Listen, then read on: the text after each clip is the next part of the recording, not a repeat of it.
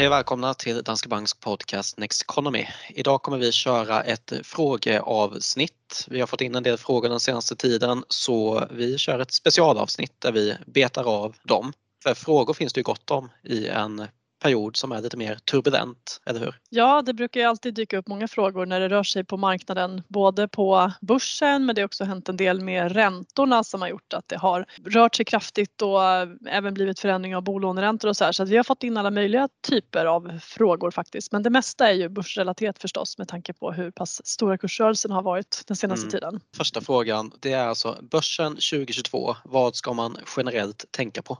Dels så tror jag att alltså om man tittar på 2021 när risktillgångar steg och det fanns ett väldigt stort intresse för olika typer av eh, högriskinvesteringar, eh, alltså allt från kryptovalutor till eh, teknikaktier med mera så kommer ju det här bli ett ganska annorlunda år tror jag. Och bara man tittar på börsen så satte ju S&P 500 nytt all time high 70 gånger under 2021 och så tror jag inte att det kommer se ut i år. Men hög risk lönade sig ganska bra och det här gjorde ju att det kom in väldigt många nya sparare på börsen och eh, det gick att få kapitalet att växa ganska fort om man hamnade rätt. Men många tog också en risk som kanske egentligen är för hög med tanke på vad man sparar till och huruvida man behöver pengarna och sådär. Och nu när vi kommit in i 2022 så har vi ju redan sett att svängningarna har varit ganska stora. Jag tror inte att de förblir så stora hela året men det kan nog bli det i närtid. Och vi ser den här omläggningen i penningpolitiken och en normalisering av ekonomin efter krisen. Och under fjolåret då hade vi ju så att säga, det bästa framför oss. Alltså vi vaccinerade befolkningen, vi såg fram emot att vi skulle kunna komma ur pandemin. Men i år så får man väl säga att förväntningarna nu är ju att när den här senaste vågen lugnar sig så kommer vi kunna öppna upp ekonomin. Vi har sett att flera länder plockat bort restriktionerna helt. Så att nu går vi tillbaka till det normala med ganska höga värderingar, mer normal penningpolitik och stigande räntor. Så att man kan nog tänka sig att det blir lite svårare att tjäna pengar. Ehm, man kan behöva bredda sin portfölj om man är en av de nya som kommit in på marknaden genom att till exempel starta ett månadssparande i fonder och ehm, det är nog bra att tänka på att, att tjäna pengar på kort sikt när allt går upp det är en annan sak än att skapa förutsättningar för att tjäna pengar på lång sikt och bygga en portfölj som står sig rätt bra även i den här turbulenta marknadsmiljön som vi har för tillfället. Mm. Vad tänker och, du? Ja, men om jag ska svara på vad man ska generellt tänka på så eh, skulle jag generellt säga att man alltid ska tänka på att fokusera på det man kan kontrollera. Så då handlar det alltså om att ha rätt risk i portföljen, det handlar om att ha en tydlig strategi och eh, då veta hur man ska agera redan innan en nedgång kommer och sen då förlita sig på strategin även om känslorna i stunden säger något annat. Och det där är ju då saker som man själv kan kontrollera. Det är väldigt svårt att själv kontrollera vad inflationen i USA kommer bli eller vad tillväxten kommer bli det kommande kvartalet eh, eller då börsens upp och nedgångar. Det är svårt att kontrollera så fokusera på det du kan kontrollera och det spelar ingen roll om det är inför 2022 eller om det är inför 2028 eller 1922. Då har vi nästa fråga. Jag vill spara åt mitt barn, 8 år, men nu blev jag lite avskräckt när börsen går ner. Ska jag vänta med att sätta undan pengar? Om jag börjar så skulle jag säga att nej, det ska man ju inte vänta med. Utan om barnet är åtta år så är det förmodligen åtminstone tio år kvar tills barnet ska ha de där pengarna. Normalt sett så brukar man ju få tillgång till kapitalet när man är 18 år eller äldre. Och det här är ju en, en väldigt lång sikt och historiskt så har börsen över längre tidsperioder gett positiv avkastning trots att det varit stökigt emellanåt även när vi haft stora kriser som IT-bubblan sprack eller finanskrisen. Så att nej, man ska inte vänta med att sätta undan pengar tycker jag utan snarare fortsätt spara som vanligt. Månadssparande eh, är ju till för att man både ska köpa upp och nedgång och på så sätt jämna ut svängningarna och få en, en, en ingångskurs där man ibland också köper billigare när marknaden faller. Och det är helt normalt att börsen går ner i perioder, det är bara att ställa in sig på. För att det är ju den risken som också gör att man faktiskt kan få en högre avkastning på sikt. Det är större svängningar men jag menar ett sparkonto ger 0 i ränta i stort sett. Och samtidigt så har vi en viss inflation så att placerar man inte pengarna så riskerar man att få negativ avkastning därför att de urholkas i värde. Så att fortsätt spara, Eh, tänk att du köper billigare om börsen går ner när du månadssparar och eh, se det här så långsiktigt som det faktiskt är. Mm. Och jag vill också slå ett slag då för månadssparande särskilt på den typen av tidshorisont och månadssparande funkar ju väldigt bra som barnsparande också. Men vi har ju ett fenomen där vi ofta vill investera mer när det har gått bra och mindre när det har gått dåligt och det där är en tendens som vi ser om och om igen. Men egentligen vill vi ju köpa billigt och sälja dyrt och det är, där som, det, är det som är det fina med månadssparande, att det hjälper oss med den där viljan att köpa billigt samtidigt som det hjälper oss stå emot den där tendensen att bara köpa när börsen har gått upp.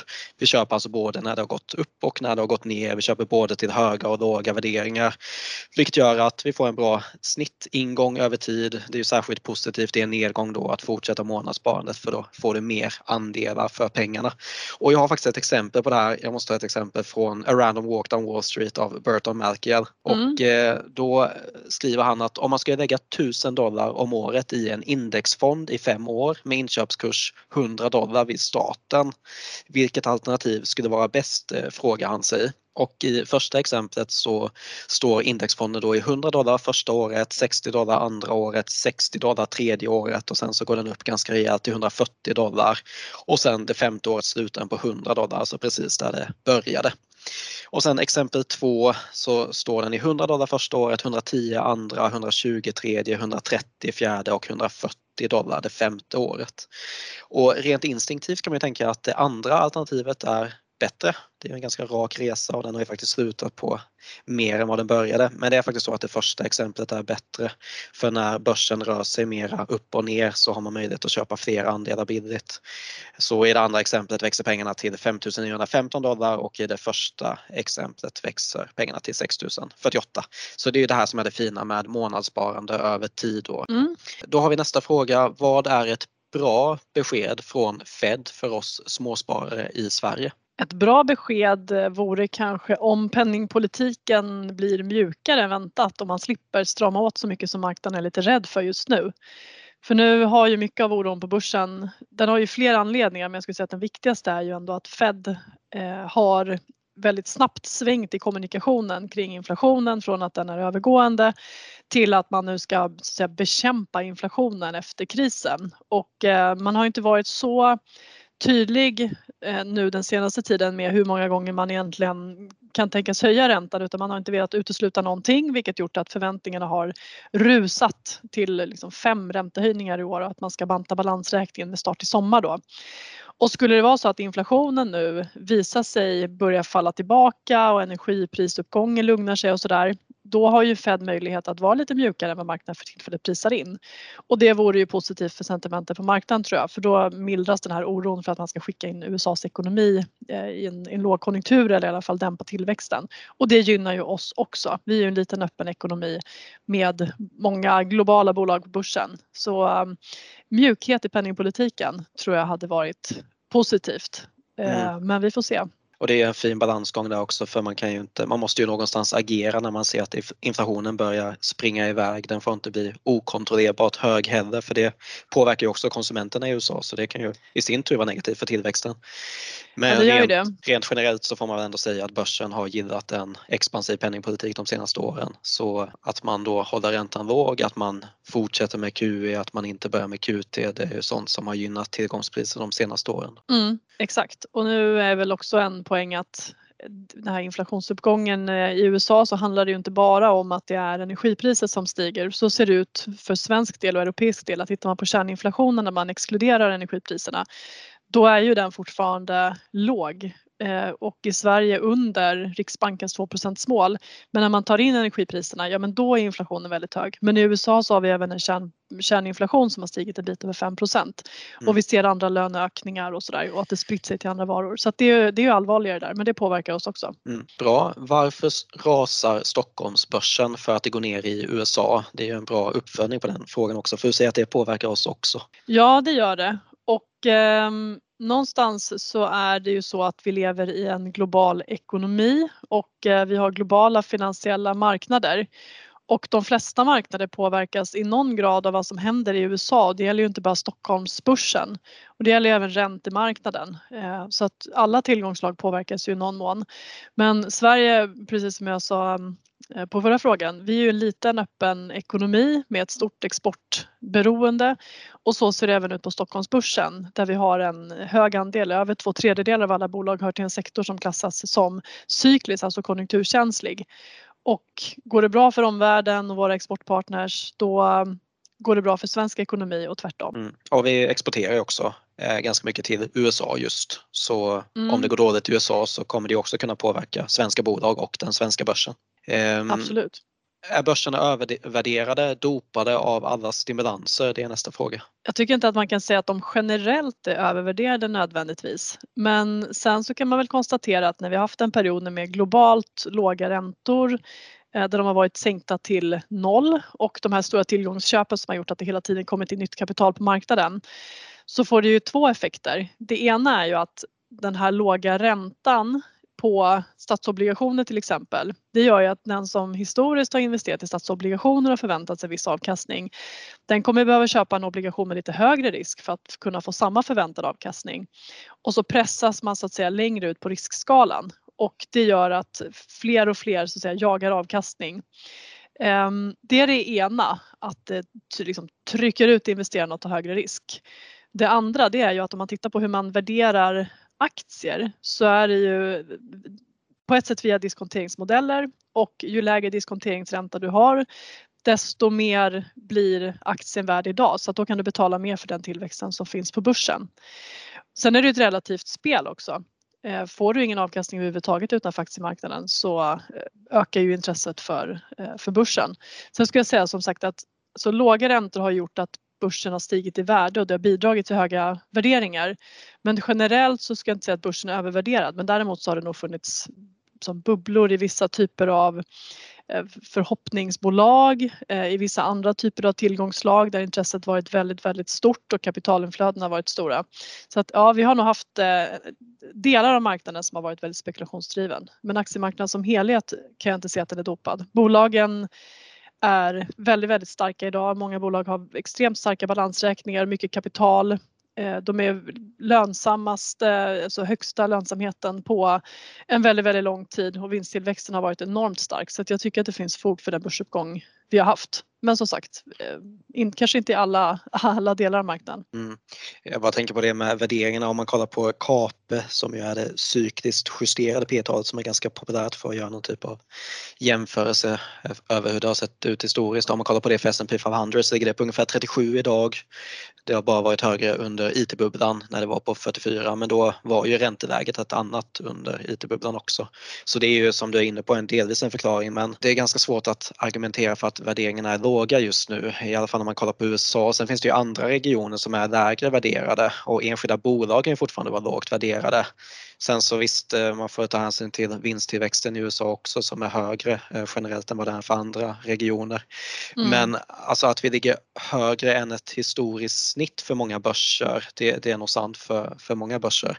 Men eh, och, alltså det var ju enklare, det var ju som du var inne på i början där, vi är inne i någon typ av annorlunda år nu än vad vi var 2021 för då hade vi ändå en stigande tillväxt, vi hade stöd från penningpolitiken, alltså fortfarande en expansiv penningpolitik.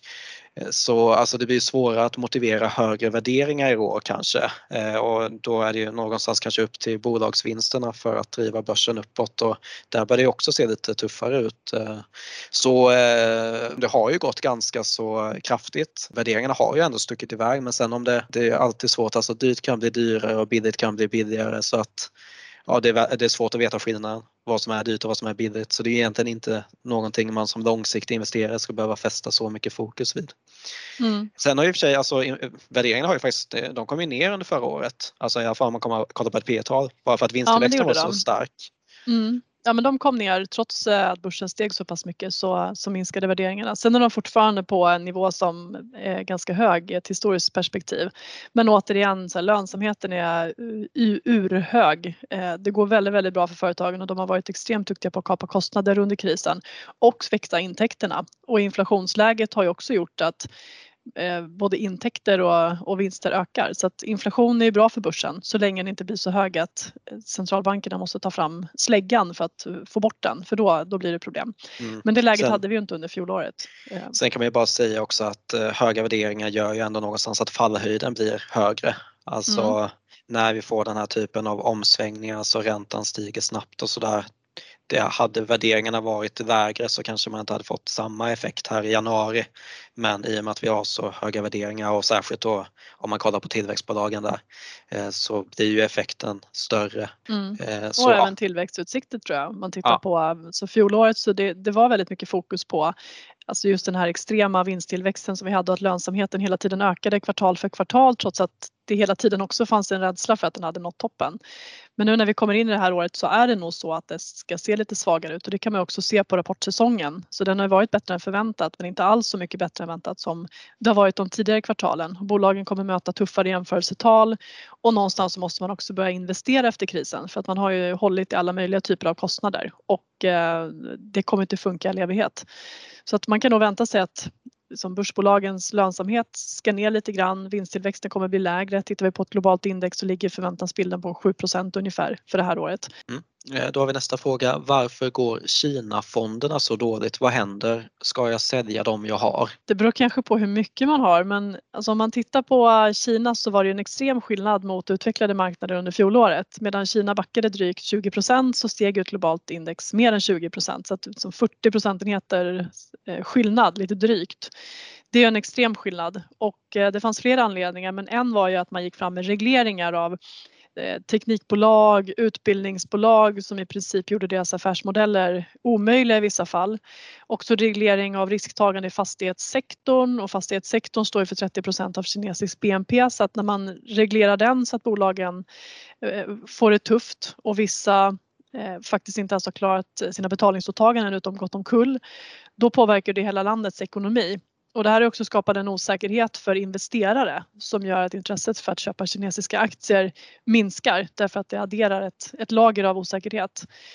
Eh, så att det är den ena. Sen så eh, var det så också att Kina kom ju väldigt snabbt ur coronakrisen. Man, var, man hade den här nolltoleransstrategin som fungerade väl så att landets tillväxt ökade ju långt innan västvärlden började återhämta sig. Men sen å andra sidan då under fjolåret när man hade dragit ner stimulanser och sådär så blev kombinationen då av eh, hårda regleringar, lägre tillväxt, hårdare eh, eller mindre stimulanser och pandemin. Vi har ju fortfarande lokala utbrott av coronaviruset i Kina som man då eh, fortsätter kväsa med hjälp av nedstängningar.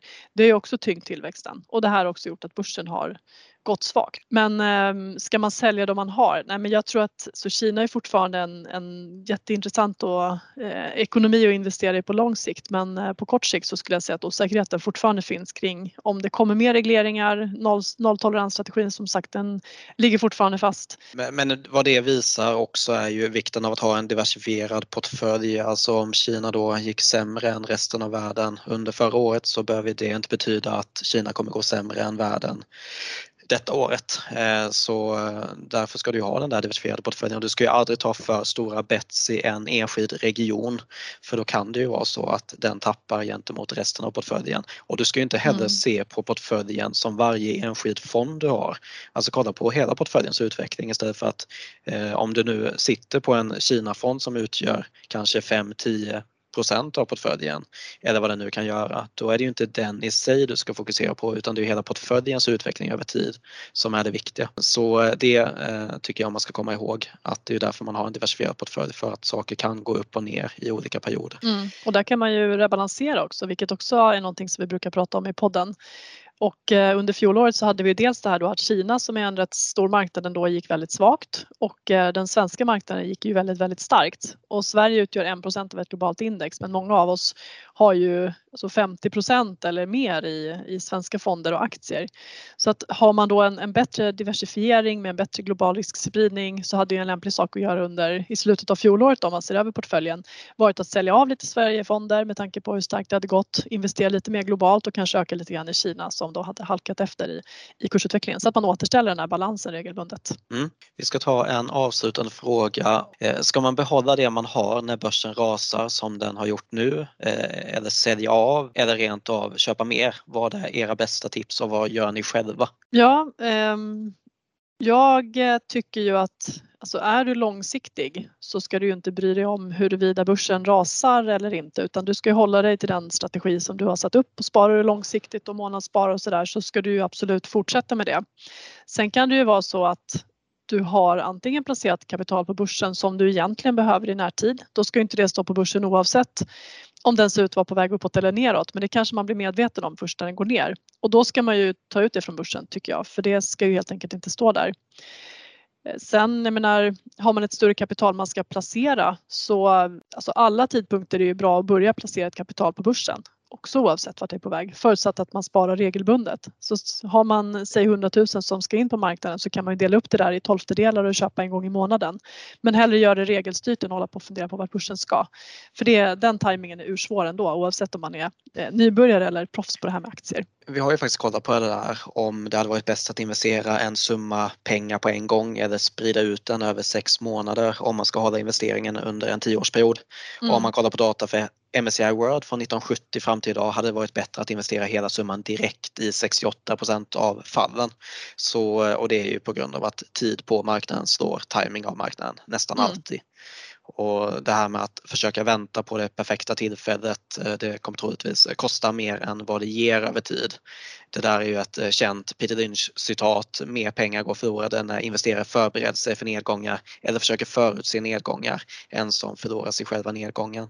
Så pengar som kan avvaras långsiktigt ska ju investeras på börsen. Men eh, om vi ska då gå till hur vi själva agerade så hur agerar du?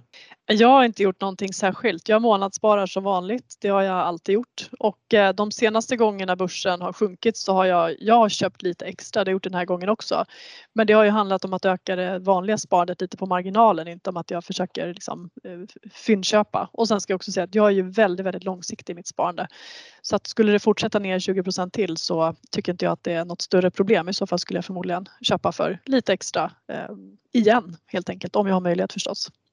Och hur gör du? Jag har inte gjort något extremt heller. Alltså jag köpte lite mer än vanligt i januari. Jag månadssparar ju också. Men eh, köpte alltså delar av portföljen som hade gått ner mer. Jag har en del räntefonder och andra tillgångar också men jag köpte alltså aktier. Det jag potentiellt skulle kunna göra är ju att rebalansera i en sån nedgång och köpa ännu mer aktier men det är alltid svårt att säga hur mycket något kommer gå ner och hur länge saker kommer vara. Det var som jag sa innan att Eh, dyrt kan bli dyrare och billigt kan bli billigare och det är väldigt svårt att veta vad som är vad. Så eh, håll dig till din långsiktiga strategi. Är det så att man kanske vill rebalansera eller att man vill öka lite i något som har gått sämre så är väl det rimligt men att man ska göra något jätteomsväng i strategin är ju inte något vi rekommenderar. Nej, och sen så jag menar i en, en portfölj, även om börsen rör sig en 5-10 procent så det kanske inte är tillräckligt för att man ska hålla på att rebalansera varje gång heller utan jag skulle säga att det behövs lite större kursrörelse än så innan man börjar se att hela portföljen har, har driftat. Så att det här, ehm, den här nedgången, alltså det känns ju dramatiskt såklart därför att det skrivs otroligt mycket i tidningarna och man ser rubriker och eh, sådär om nedgångar på 4% eller mer under enskilda dagar men i ett historiskt perspektiv så är den här typen av nedgång ju faktiskt väldigt vanlig. Så 4% kursrörelse på en dag är ganska ovanligt. Men börsnedgången, om den stannat där den gjorde nu, är inte ovanlig eh, utan det är någonting som händer någon gång om året i genomsnitt och som man ska vara inställd på att man kommer få uppleva fler gånger om man är ny på börsen och det här var första gången. Jag sa det i förra podden men under de senaste 50 åren så har globala aktier gett positiv avkastning 37 av åren men då har vi en genomsnittlig största nedgång varje år på 14,5 procent. Mm. Så det här är ju eh, absolut inget ovanligt då. Bra. Eh, jag tror nästan att vi ska ta avrunda där om du inte har mm. något att tillägga. Nej, men jag tror inte det. Många bra frågor som sagt och ja. det man kan se ändå är att många av samma karaktär och relaterade just till oron på marknaden. Men som sagt, sitt lugnt i båten om du är långsiktig och gör inga stora förändringar i ditt sparande. Det är väl en kort sammanfattning av det vi har pratat om. Ja, om du har en bra båt också. Men har du en värdeversifierad portfölj och en bra strategi, då eh, mm. kan du sitta kvar där. Mm. Eh, bra, då så. Då avrundar vi för idag. Ni får ju som vanligt gärna ställa frågor i frågeformuläret så tar vi upp dem här i ett vanligt avsnitt eller i ett frågeavsnitt. Och mm. eh, så kan ni gärna skriva till oss på Twitter också och eh, gå in på nexteconomy.se. Det är vår nyhetssajt och där hittar ni både bloggar, filmer och poddar om marknadsläget och eh, vår investeringsstrategi. Nexteconomy.se. Så tackar vi för den här gången och så hörs vi igen eh, nästa vecka. Tack och Tack och ha en fin vecka.